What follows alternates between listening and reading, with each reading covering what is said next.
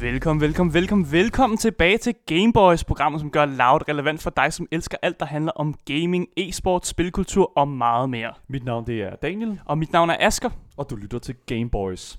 Jeg har haft enormt meget lyst til at øh, lytte til spilmusik igen her på det sidste, så i dag har vi altså gravet nogle af de her fantastiske titler op, øh, som har noget helt fantastisk musik.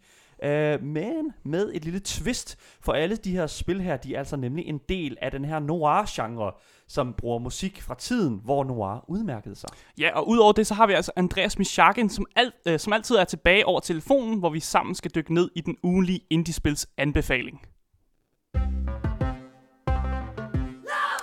Yes, men inden vi lige skal alt det, så skal vi jo selvfølgelig som altid i gang med vores øh, nyhedssegment her, mm-hmm. fordi at, øh, det er jo ikke fordi, at verden den står stille, bare fordi, at der er corona, og fordi, at vi laver radio hjemme fra min stue af. Øh, Stadig. Lige præcis. Den første nyhed, der kommer, det er en, øh, altså, det er en overraskelse for mig. Det er, at i Fortnite, der er der ligesom en premiere, der er dukket op et sted, Asger. Hvad, hvad er det, der er sket? Ja, for her for nogle øh, par dage siden, så øh, var der simpelthen premiere på traileren Tenet, øh, og den skete simpelthen i Fortnite. Øh, og det kommer af, at øh, Christopher Nolan, som er di- øh, directoren af øh, den her film Tenet, han gerne vil have, at sin trailer han bliver bevist på et stort lærred. Ja. Men hvad gør man, når folk ikke rigtig kan gå i biografen? Så gør man det næstbedste. Det er simpelthen, at man viser det på et kæmpe stort lager, lager inde i Fortnite. Ja. Fordi de har nemlig fået den her nye, øh, nye mode, som også er, ikke er så gammel, som hedder Party Royale.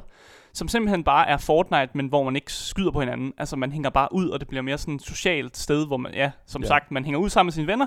Og så var der det her kæmpe store øh, filmskærm i, øh, i spillet på det her tidspunkt. Og så Mm. viste de traileren til Tenet. Så det var der, den kom først. Og så bagefter kunne man selvfølgelig finde traileren alle mulige andre steder på nettet. Ja, lige præcis. Altså, det er jo ikke, fordi vi ikke har fået noget som helst fra den her film Tenet, som Mm. er lavet af Christopher Nolan. Men, men fordi vi har jo fået en, en, en sådan en, en I guess, en, en sådan øh, første Mærkelig trailer. trailer, Ja, ja. lige præcis. Sådan, du ved, rigtig Mm. Christopher Nolan. Fordi Christopher Nolan, han er jo også kendt for, øh, altså selvfølgelig Batman, øh, Mm. mm. Dark Knight-trilogien. Øh, men han er også kendt for Inception. Yes. Og det er jo den film, som jeg føler, at Tenet, at Tenet ringer mere i sådan to, samme tone med. Mm-hmm. Og øh, det, der sådan er mærkeligt her, det er, at, at øh, ja, det er selvfølgelig ikke Christopher Nolan, der har taget den beslutning. Det går jeg virkelig stærkt ud fra, at det ikke er.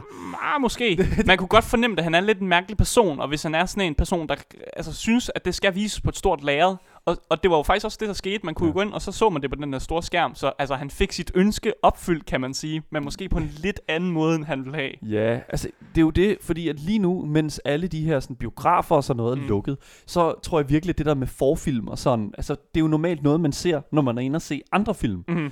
Øh, I hvert fald i biografen ja. I forhold til det, ikke? Altså, og, og, og nu tror jeg bare, at det er sådan blevet det der med at inkludere det. Fordi Fortnite, ikke? Altså, vi havde jo koncerten med Travis Scott, Ja. øh, hvor han øh, lancerede en ny sang i det her, den her setliste, som, mm. øh, altså, som var i den her koncert. Og altså, jeg tror bare, at det, det er bare noget helt nyt, det her. Og jeg, tror, det, altså, det, jeg ved ikke, jeg synes, det er lidt mærkeligt, at det er Fortnite af alle spil, der altså, Mm. simpelthen går hen og bliver øh, valgt som spil Ja, til det men, her. men man kan jo også godt altså man kan godt mærke, at Fortnite, de, de, altså de har fat i noget. De lancerede jo den her Party Royale i den her altså coronatiden. De vidste jo godt, at folk sad derhjemme.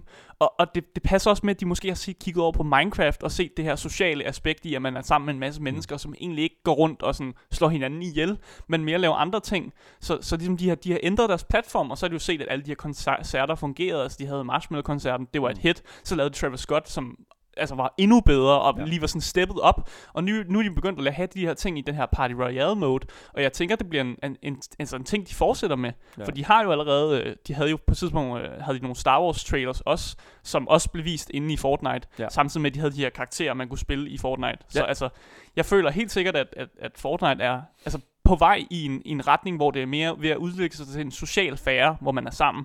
Ja, lige præcis. Altså, det, det går jo hen og bliver til sådan en... Øh, altså, det går hen og bliver til sådan, sådan en, en, en arena, øh, hvor at, at... S- øh, du sagde sådan Second Life på et tidspunkt. Lige præcis, det er mere Mm. sådan second life lige pludselig, hvor der er sådan, at du bare er inde og, og, og taler med folk, ikke? Mm. Second life er det her sådan... Ja, second life, du har online, hvor du kan påtage dig en hvilken som helst rolle, du vil. Mm. Du kan være en øh, 9-årig lille pige, du kan være en 90-årig gammel mand, eller du kan være et eller andet rumvæsen, øh, mm. der ligner månen. Altså, du kan være, det er alt muligt, og altså, jeg har det som om, at med alle de her ting her, som dukker op nu, øh, Mm. inde i øh, inde i Fortnite. Altså på den måde der, altså det, jeg ved det ikke, for, for mig er det bare at se på, på Epic Games, altså dem, der laver Fortnite, og altså, og vi, i går også i, gårsdagens program, der snakkede vi også, altså vi hyldede jo nærmest uh, Epic Games jo øh, til skyerne for, for alle deres sådan, business decisions på, det sidste. Og det her, altså jeg er da helt sikker på, det giver der godt nok, altså det skal der nok give nogle gode V-Bucks et eller andet sted til Epic Games.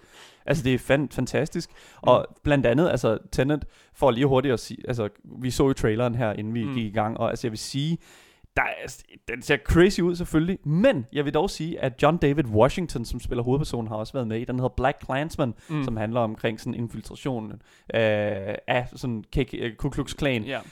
Øh, og altså, jeg ved ikke, filmen, altså, den ser vanvittigt interessant ud. Mm. Super mærkelig, men endnu mere mærkeligt, at det bliver øh, introduceret i Fortnite. Mm. Den næste nyhed, som vi bringer øh, her i vores nyhedssegment, det er altså noget, der kommer fra øh, udvikleren af Minecraft. Øh, det er selvfølgelig Mojang, vi snakker om, og Mojang, de har simpelthen været ude og ændre deres navn og deres logo til at ligesom at skulle bedre reflektere deres ligesom øh, fremtidige øh, sådan endeavors. Mm. Ikke? Og hvad er det her interessante navn, som Mojang har ændret sig om til at nu at hedde? Ja, de har jo selvfølgelig taget og kigget langt og hårdt på deres navn, Mojang. Og Mhm. mm-hmm. så har de ligesom taget den beslutning, at det var alt for kort. Ja. Nu skal det hedde Mojang Studios.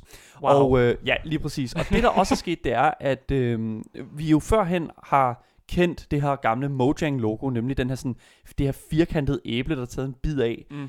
Det ligner jo lidt Apple, bare ikke helt rigtigt. Og det var jo noget, som vi havde aller, altså helt tilbage fra, øh, altså dengang Notch, som er ham, der har lavet Minecraft, og Mojang for den sags skyld, der senere hen solgte spillet til Min- øh, Microsoft.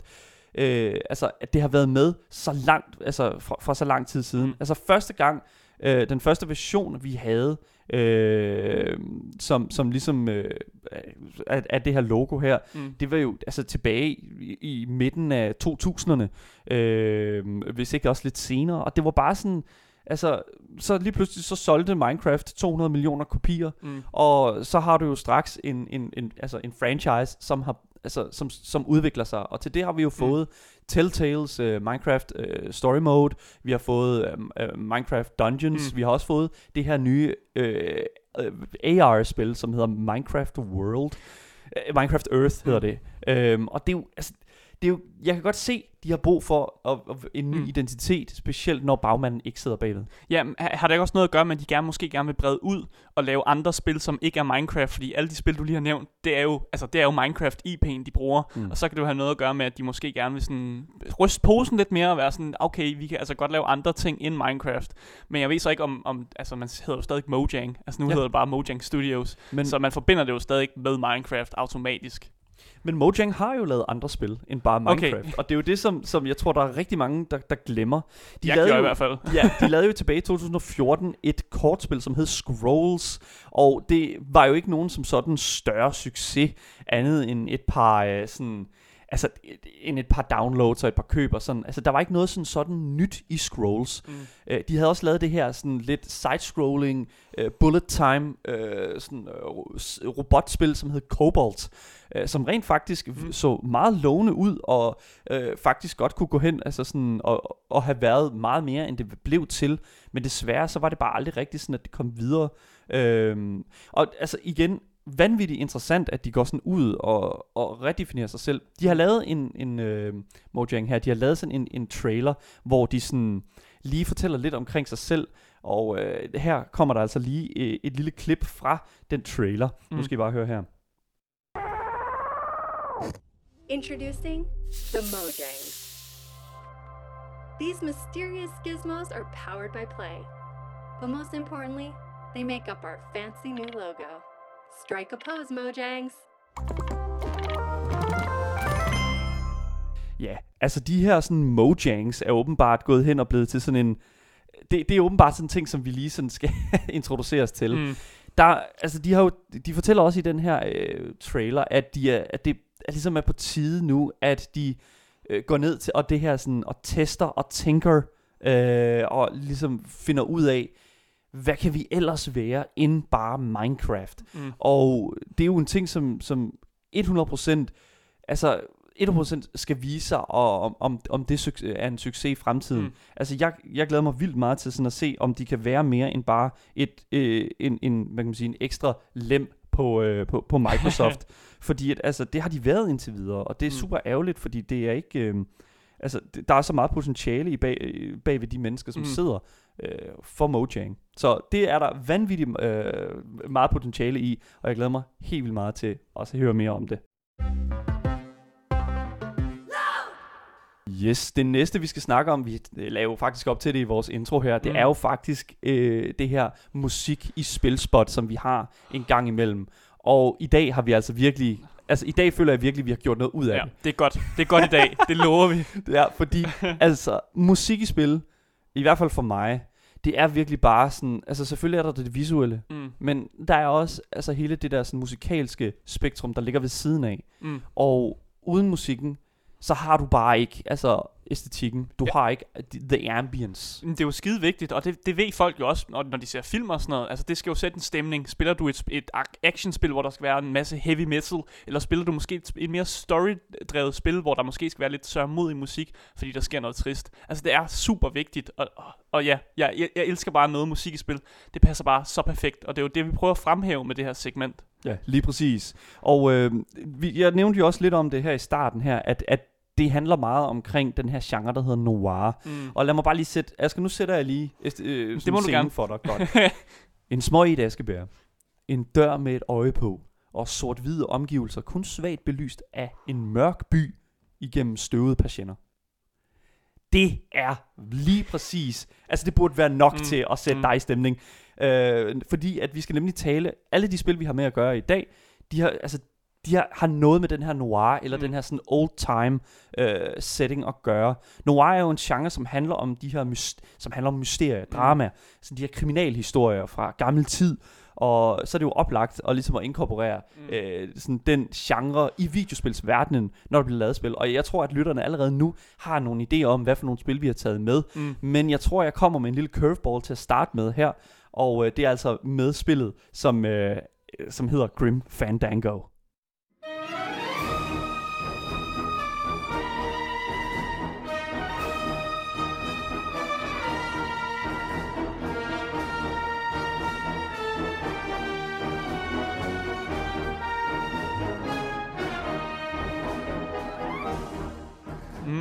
Der er lidt salsa. Grim det. Fandango. det, jamen altså, Grim Fandango, al, altså det er lavet, for det første er det lavet af LucasArt, som er, altså hvad kan man sige. What? studiet, der står bag ved næsten alt Star Wars produceret spilmæssigt, øh, Mm. mæssigt, ikke? Men det er jo stadigvæk, altså, det der er med det, det er jo, at musikken er skrevet af Peter McConnell. Og Peter McConnell. Mm. han har forståelse for én ting.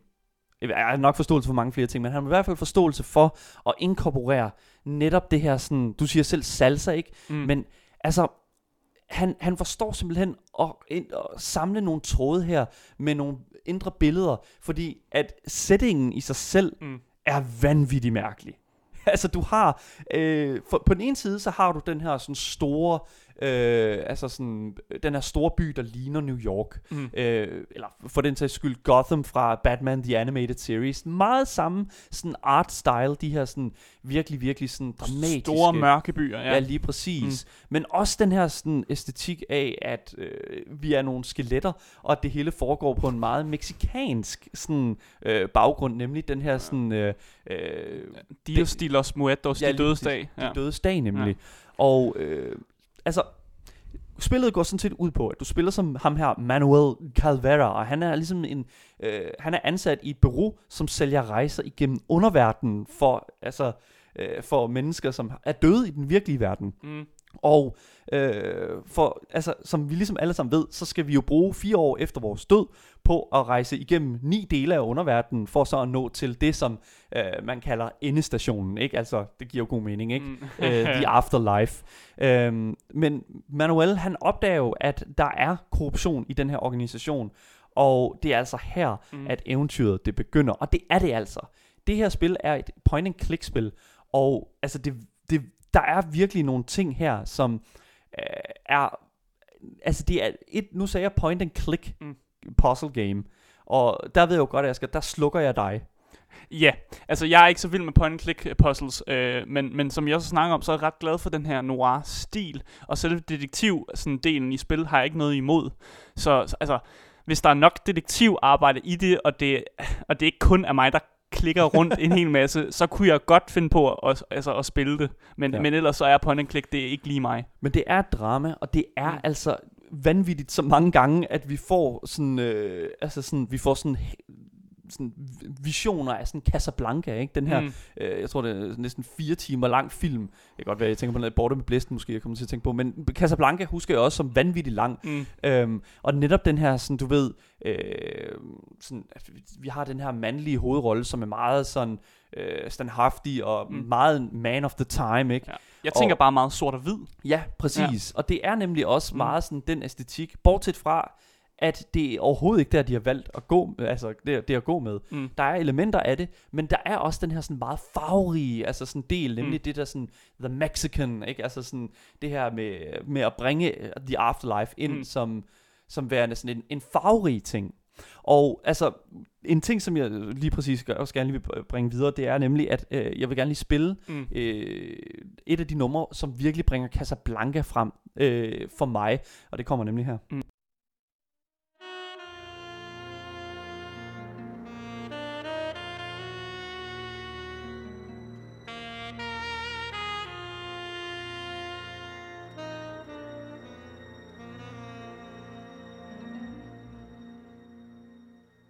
Altså, det er, jo, det er jo, som jeg sagde, det er jo det der med sådan, altså, altså der, der det, er jo- det er jo lidt sådan melankolsk mm. samtidig med, at det sådan, at det alligevel har sådan en, øh, altså det, det, det, det altså der, man kan høre den der. Mm. historie, man kan høre den der sådan dybde, der er med det. Sådan, det er meget sådan det der sådan, øh, jeg, jeg tror lige netop her, der er der, der er der en, der siger sådan, As I woke from my slumber, I saw a stranger with the guarded heart digging through the snow with solemn determination. Altså det er jo sådan noget, det er jo, Jamen dog. det er jo poetisk. Det er jo sådan, du ved, mm. Altså hvis det er sådan, at du skal have den her sådan old time øh, æstetik, så skal du også have den tone, der ligger bag det. Mm. Og jeg synes 100% at, øh, at, at Grim Fandango altså inkorporerer det rigtig, rigtig fint. Ikke bare i sådan, ikke bare sådan i sammenkoblingen mm. mellem sådan historien, men også det visuelle. Mm. Og nu, er, nu taler vi om et spil, som er fra 98, og det kan man altså godt se. Der er blevet lavet en remastered version af Grim Fandango, og den holder altså stadigvæk Mm. 100%. Det der dog bare er med det, det er altså, at, at det stadigvæk er meget dated. Øhm, og det næste nummer, jeg bare lige vil spille for det her spil her, det er altså de her sådan, øh, den her setting, den her øh, Casino Ca- Calavera, som er efternavn. Altså det er en Mm. et casino, som er ejet af ham her, Manuel, som man spiller som. Og øh, der kommer altså det her nummer, og det er, altså det, det er virkelig sådan, øh, altså kendetegnet for mig mm. i den her øh, setting. Jeg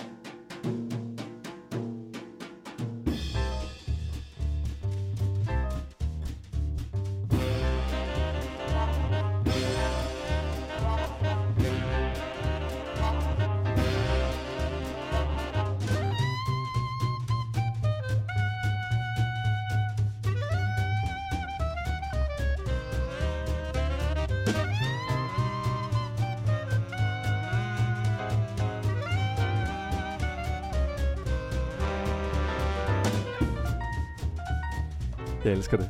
Jeg elsker sådan noget big band swing jazz. Mm. Altså det er sådan, mm. Det der er med det der, øh, hvis det er sådan, at du øh, køber, øh, ved du nu, øh, det her officielle soundtrack til Grim Fandango, så står der på forsiden, big band, bebop and bones. Mm. Ikke? Og det, det er jo sådan, den her sådan, altså det cementerer jo også den der, sådan de der roaring 20s, ikke? Altså Mm. de der sådan, virkelig sådan øh, festlige, øh, sådan meget sådan bravende og bulrende, øh, hvad kan man sige, scener, Mm. som man får, hvis det er sådan, man ligesom dykker ned i den her tidslomme. Mhm. Altså, men så er der også lidt det der med, når man hører den her noir-stil, som godt kan være lidt sørmodig musik, så synes jeg også altid, man har den der sådan anden side af mønten, som Mm. er det lidt jazzet. For jeg synes, der er rigtig mange af de her noir-spil, som dyrker det her med sådan, okay, vi kan godt have sådan en, en rigtig trist saxofon i sådan main-themet, men så har vi også lige en scene, hvor, hvor karakteren går ind på sådan en bar, hvor der er noget jazz, og det bliver sådan lidt uh, big band-agtigt. Ja. Og jeg føler, at det, det bliver dyrket i de her noir-genre, faktisk. 100%. Øh, det sidste nummer, jeg lige hurtigt vil spille herfra, det er altså et nummer, som, øh, som, som jeg synes også virkelig, virkelig skærer igennem Øh, og det, det, det er jo et nummer, som, som er meget net, netop melankolsk. Mm. Men ligesom du også siger, har lidt mere til, så det kommer her.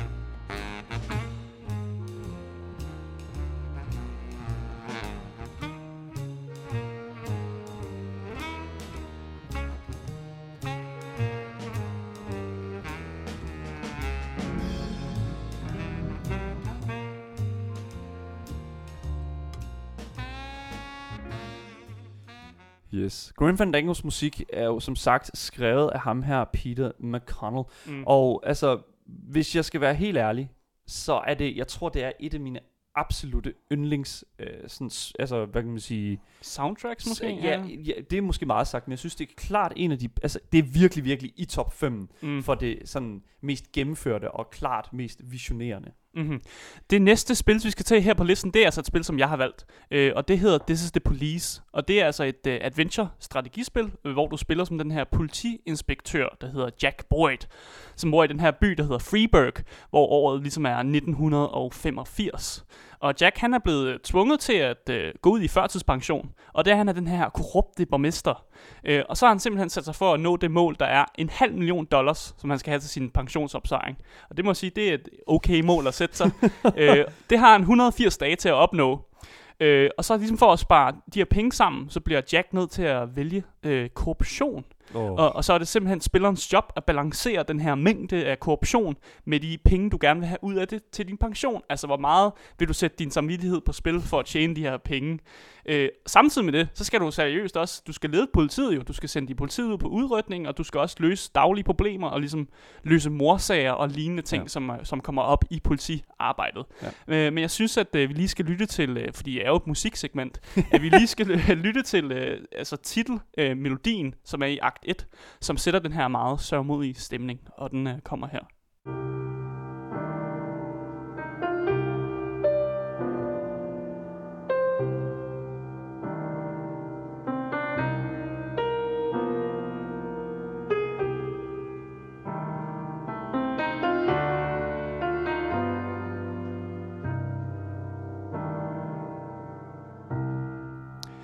Ja, altså det her titeltema, øh, det sætter jo en perfekt god stemning for, hvad du skal til at spille.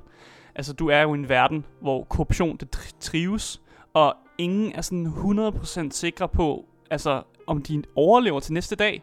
Altså kriminaliteten, den trives sådan, altså kæmpe meget. Mm. Øh, og, og, og netop som jeg sagde, folk dør på daglig vis, og det er måske indirekte din fejl. Så det er seriøst sådan en, det er sådan en uh, samvittighedsdilemma, du er i gang med hele tiden i det her spil. Jeg, tror, altså, det, jeg tror, du kan lave rigtig mange paralleller til for eksempel øh, historien om Walter White, Breaking Mm. Bad, ikke? Altså en, en, en ærlig mand, der er drevet til altså, Mm. sit yderste, i, altså, fordi at selvfølgelig, at historien ligger op til det, men også det her med, at du netop har en, en du, du har et individ her, som mm. Øh, er nødt til at, ligesom, at nå nogle mål, mm. og så tyr til det, som der ligesom er det, det, det hvad kan man sige, det, det moralske modsatte af, hvem han er. Ja, og hele spillet ligger jo også op til, at du faktisk næsten ikke har noget valg. Det er ligesom om, at du skal hele tiden vælge mellem sådan lesser evils i spillet. Og nogle gange så, så kan man sige, at det ikke lidt bedre at sådan tilslutte sig mafiaen, hvis man så, de hjælper en med at skille sig af med noget af det andet kriminalitet, der er. Mm. I stedet for, at du skal stå og kæmpe med mafiaen, og kæmpe med altså, normale daglige kriminalitet, så kunne du lige så godt sige sådan, okay, nu tjekker vi hold med dem her, for at løse det her andet problem. Ja. Og ligesom på den måde, så får man løst altså, primært store problemer, men altså, du er stadig i ledtog med mafiaen, og det går altså ikke forbi uh, pressens, uh, pressens næse, hvis man kan sige det sådan. Nej. Men der, hvor musikken altså også primært spiller ind i det her, spiller ind i det her spil, det er, at hver gang man tager på arbejde, så har man de her gramofonplader, øh, som er på ens øh, kontorhylde, øh, hvis man kan sige sådan. Ja. Øh, og så kan man simpelthen tage en plade ned, og så kan man sætte den på, og så er det den musik, som sådan spiller, når du er i gang med Ah. din øh, daglige politidag. Ja. Øh, og derfor så er det næste nummer, vi skal høre her, det er også en af mine øh, sådan, yndlingsnumre. Øh, for der er det her nummer, der hedder øh, Sweet Ginger Green, som er det her jazznummer.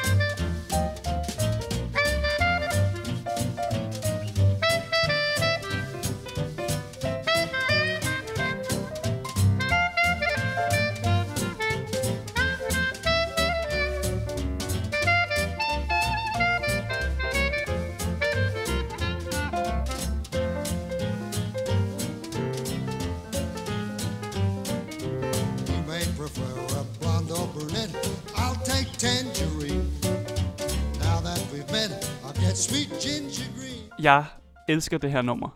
Og det er altså ikke fordi, det hedder altså Sweet Ginger Green, og fordi jeg er en ginger.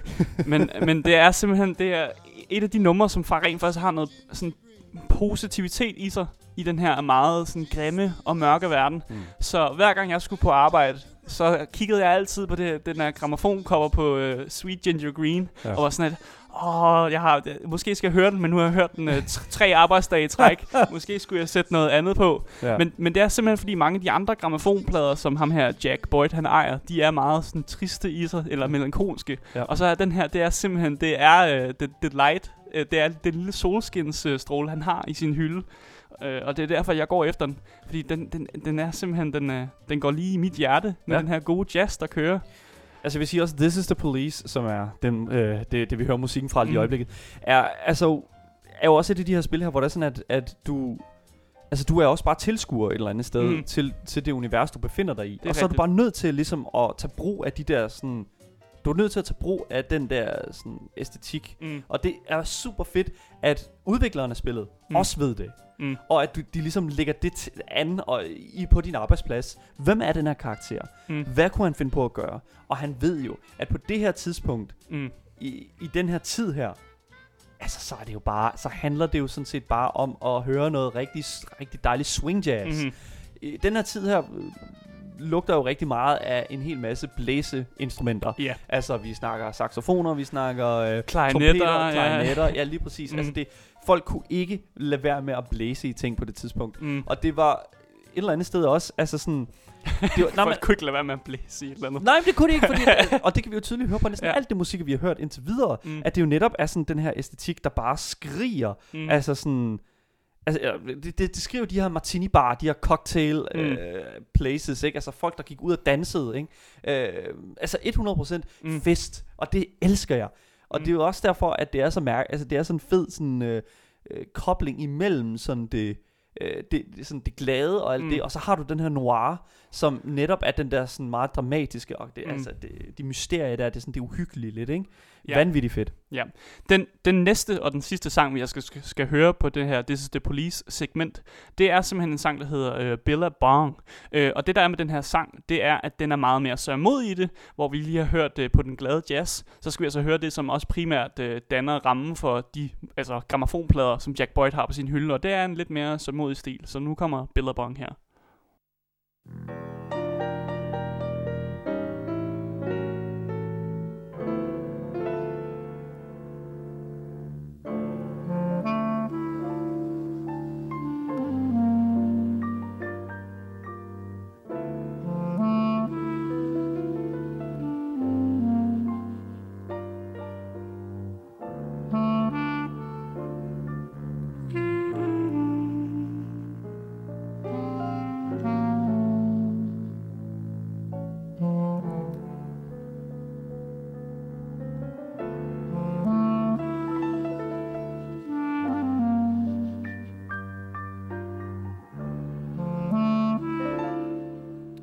Altså, uanset hvor Jack han kigger hen, så er der modgang. Hans kone løb væk med en yngre mand. Pressen har beskyldt ham for at være korrupt, før han faktisk var korrupt. Og han bliver nødt til at konstant at tage valg, som virker som om, at det er lesser evil choices. og det er det her, den her sang, den inkorporerer så dejligt, at det er bare sådan et, fuck, hvor er mit liv nederen lige nu? Ja. Altså, han kæmper den der kamp med at få den der halv million dollars, så han kan få et ordentligt pensioneret liv. Men det føles stadig ikke som en, en kamp, som er, er lige meget. Fordi han har ikke noget. Han har, altså, han har ingen venner i den her verden. Han er helt alene. Mm.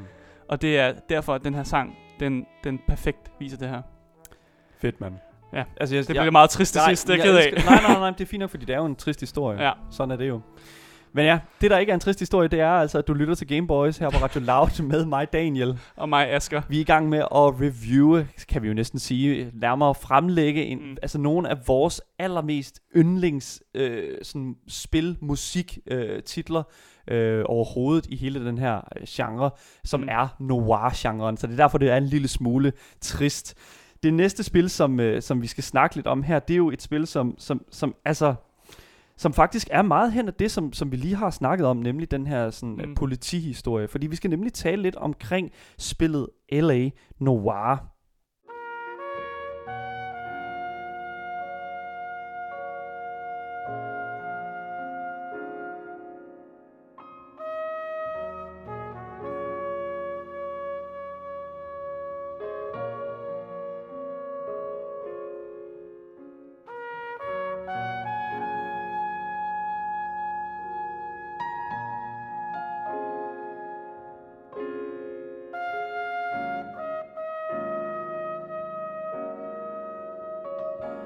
Året er 1947, og 2. verdenskrig har set sin ende.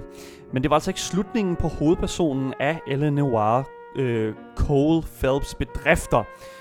L.A. Noir finder sted i Los Angeles, og det er altså op til dig som spiller at tage brug af Cole Phelps naturlige evner som politimand og detektiv, og arbejde dig op igennem det her sådan, rangeringssystem, der er inden for politiet på det her tidspunkt. Det er klassisk amerikansk politidrama, og musikken er selvfølgelig derefter. Mm. Musikken er skrevet af Andrew Hale, og lad mig bare lige sige nu, Andrew Hale, han forstår pacing, Mm. og han forstår introduktion, altså tonesætning. Mm. Fordi næsten alt musik, der er i den her sådan, der er i det her spil her, det er sådan, altså det er musik, som et eller andet sted taler så meget til, hvor Cole er i hans sådan liv Mm. på det givende tidspunkt. For vi ser nemlig Cole øh, altså stige i rang af, altså fra, af politibetjent på Mm. gaden til at være sådan den her kriminaldetektiv. Og det er jo som om, at hver eneste gang, at Cole ligesom trapper op med et nyt sådan, øhm, hvad kan man sige, et nyt job, Mm. så er det som om, at vi, vi, vi ligesom ser en ny side Mm. af Cole igennem musikken. Og det fede er jo også, at, at Cole, han er jo en, altså, han er en dygtig detektiv. Det kan man ikke, altså, det kan man ikke tage fra ham.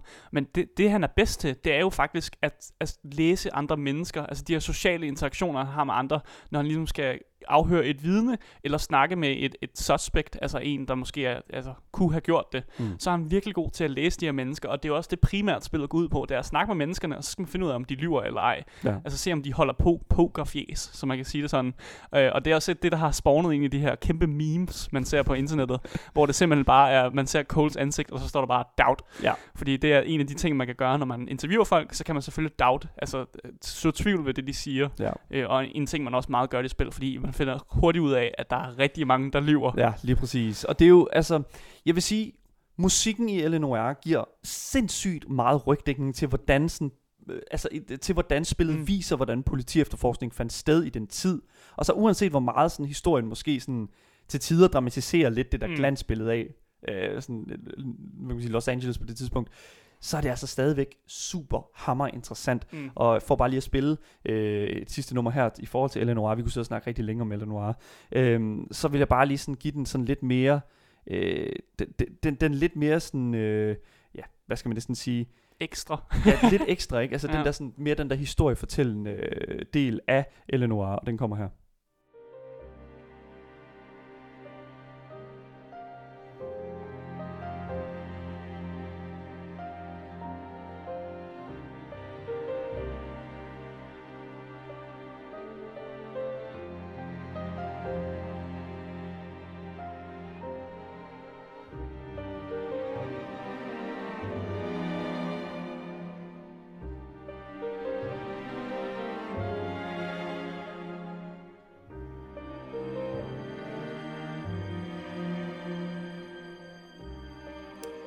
Det var Eleanor. Et fantastisk spil med en endnu mere fantastisk øh, hvad kan man sige, lydbillede, Ja. der komplementerer 100%. Det næste spil, vi skal snakke om, det er altså et spil, som kommer fra en lidt anden version af sådan den her genre, og det er ikke fordi, at øh, det er så meget ved siden af. Det er det faktisk slet ikke.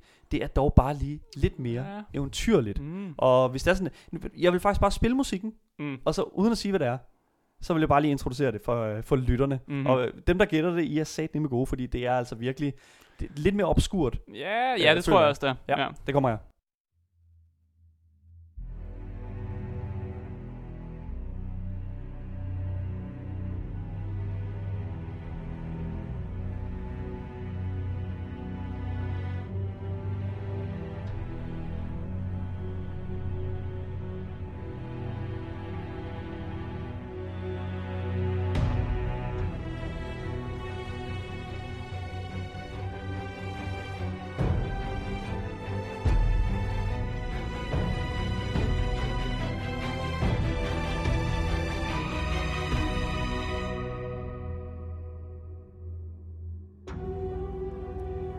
Det er jo selvfølgelig musik fra spillet The Wolf Among Us. Mm. Det er selvfølgelig et Telltale-spil, og der er jo, hvad kan man sige, en hel del øh, sådan, altså blandede følelser omkring det her spil, Ja. fordi at jeg tror, at jeg tror meget langt hen ad vejen, så elsker folk det her spil her. Mm.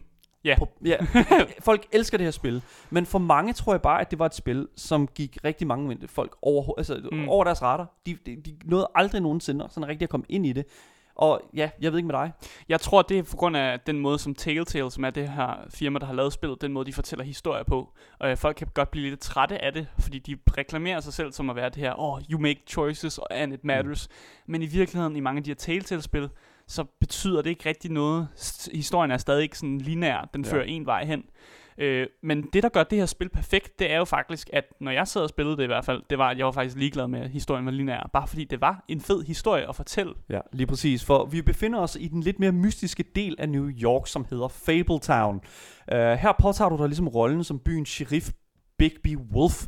Og det er altså ikke noget nemt job for byens eventyrlige skabninger. Uh, er nemlig ikke uh, ligefrem uh, sådan glad for, at ham her Bigby Wolf, han får en happy ever after. Mm. Det er jo en historie om en person øh, i konstant altså mm-hmm. sådan Mhm. kamp mod sig selv. Ja, og hvis man altså ikke har regnet det ud, så handler det her jo om eventyrvæsener. Altså Ja. Big B Wolf er jo The Big Bad Wolf fra, Lille, altså fra Rødhætte, historien om Rødhætte. Øh, og man har alle de her fantasivæsener, som render rundt, øh, som er blevet inkorporeret i den rigtige verden, fordi de er jo nødt til at flygte fra deres originale verden. Ja. Og så lever de sådan en, en tilstand af, hvor de altid ge- gemmer sig lidt for de rigtige mennesker, men de har også deres egne problemer. Og det er jo så her, du spiller den her sheriff Big B Wolf, som så skal løbe kriminaliteter, som foregår i den, de her, for de her eventyrvæsener. Hmm. Og det er hele præmissen af spillet nemlig. Musikken er lavet af Jared Emerson Johnson, og det er jo her, hvor der er sådan, at jeg føler, at The Wolf Among Us har noget af det mest fantastiske musik, Mhm. mm-hmm. fordi øh, Emerson Johnson, han har virkelig forstået det her med, okay, det foregår i 80'ernes New York, Mm-hmm. så, men vi har stadigvæk med en noir setting at gøre. Ja. Så hvad gør vi? Vi pakker synthesizeren ud. Og det er jo så det her med at, at simpelthen, altså, det er det her med at inkorporere 80'ernes lydbillede sammen med en anden Mm. genre, som er den her sådan meget dramatiseret, som vi for eksempel har hørt med Eleanor. Mm. Det der med sådan at fortælle en historie, men fortælle det med øh, seje elektroniske lyde i stedet for. øhm, og det er derfor, at jeg sindssygt gerne vil øh, spille det her nummer her. Øh, og jeg, jeg er helt sikker på, at at, at dem, der har spillet spillet, kan Mm. genkende mm. musikken. Men det, der faktisk er interessant her, det er, at øh, soundtracket er aldrig nogensinde blevet udgivet officielt. Mm. Så alle navne, som, er, som har, øh, hvad kan man sige, som alle navne, som, som er tildelt til de enkelte numre, det er noget, som fansene har døbt dem. Mm. Mm. Så det er faktisk, det, jeg synes bare, det var en lille smule interessant, og jeg synes, det er fedt, at der er en community omkring det. Men lad os lige høre det her nummer her.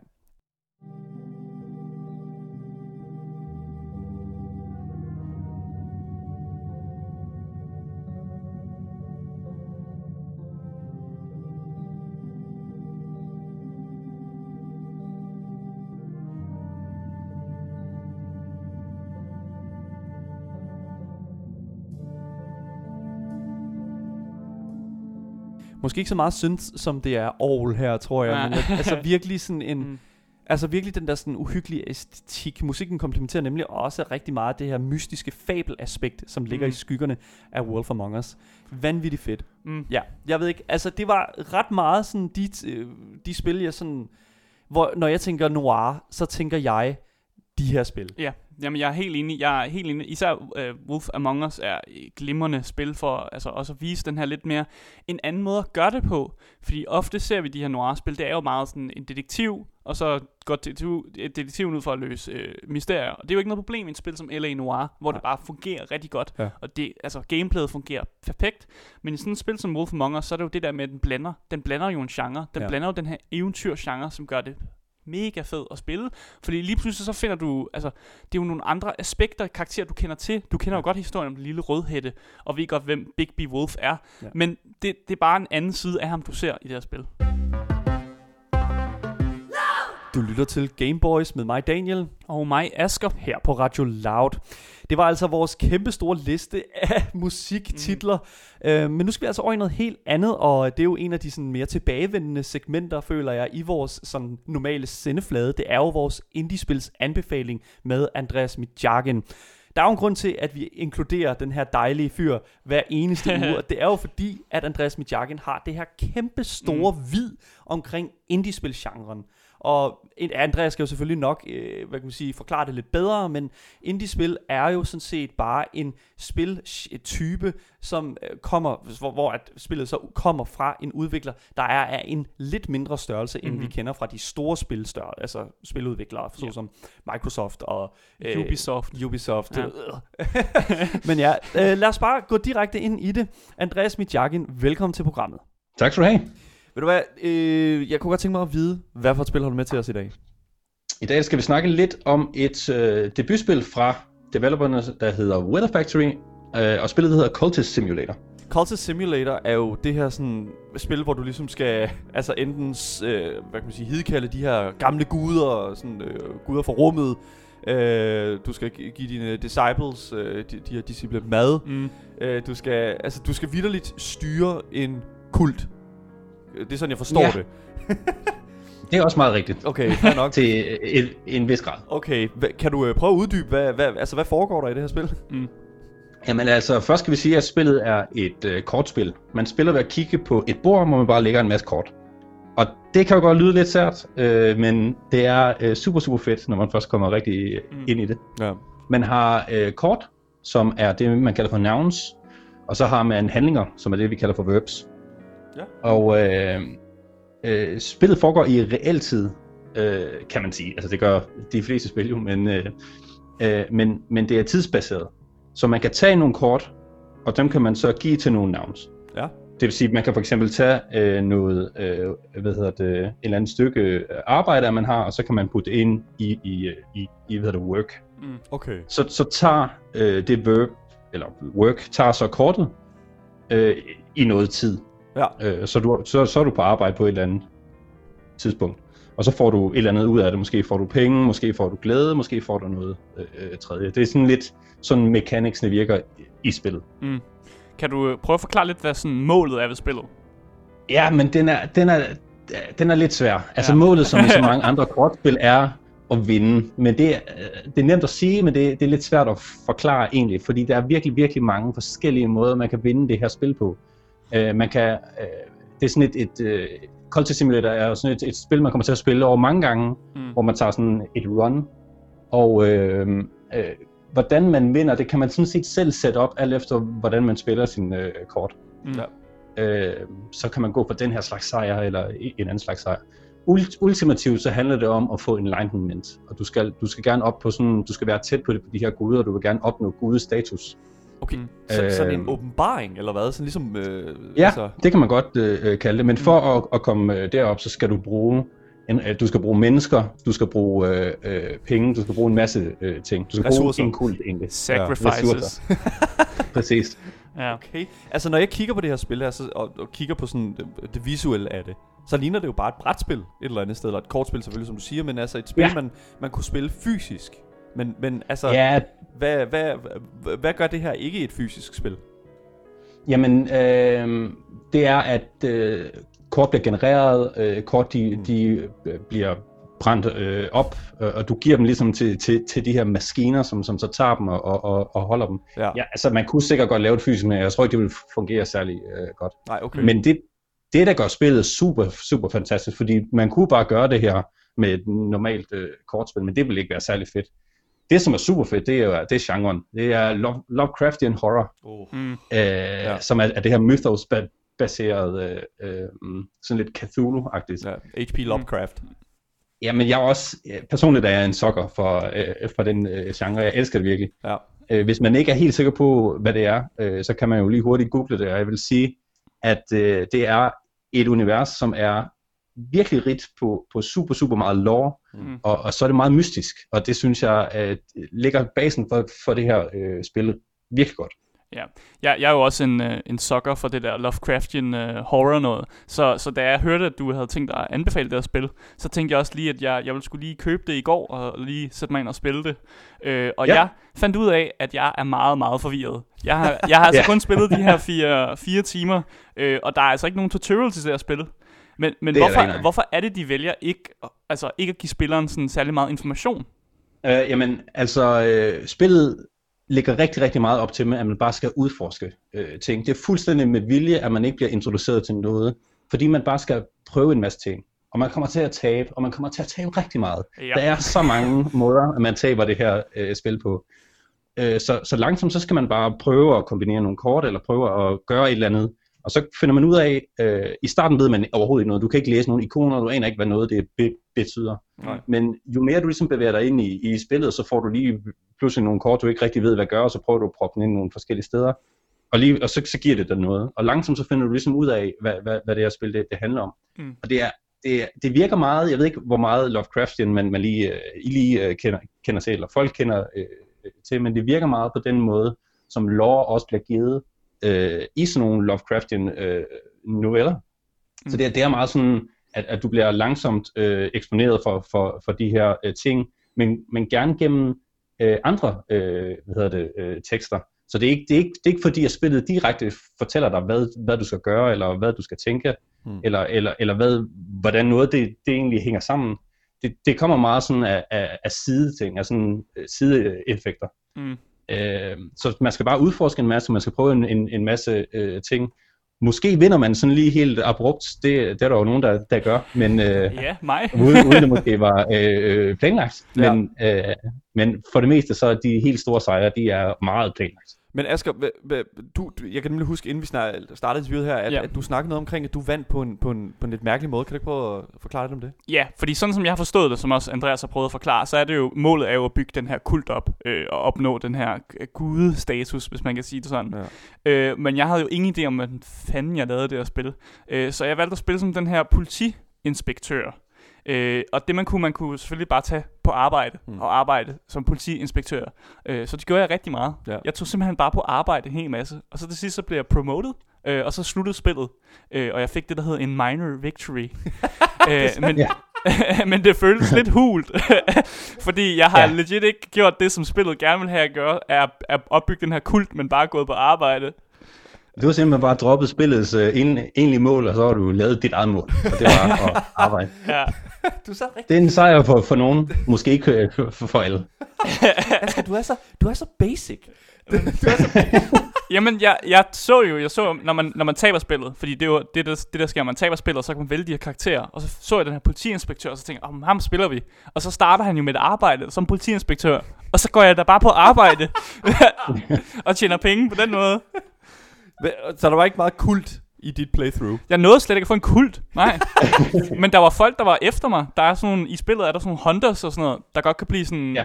ja, jeg begynder at jage en, men de havde ikke noget at gå på. Fordi jeg havde ikke gjort noget lovligt. Hvis man laver kriminelle ting, og det er lidt, øh, det er lidt gråt, hvad, hvad det lige er, men det er for eksempel at snakke meget om ukulte øh, ting, det kan godt være lidt kriminelt. Mm. Man kan også godt begynde at sacrifice folk, det er også relativt. Uha, ja, den, den er altså Ja, på mor. kanten. Den er på kanten, den så, der.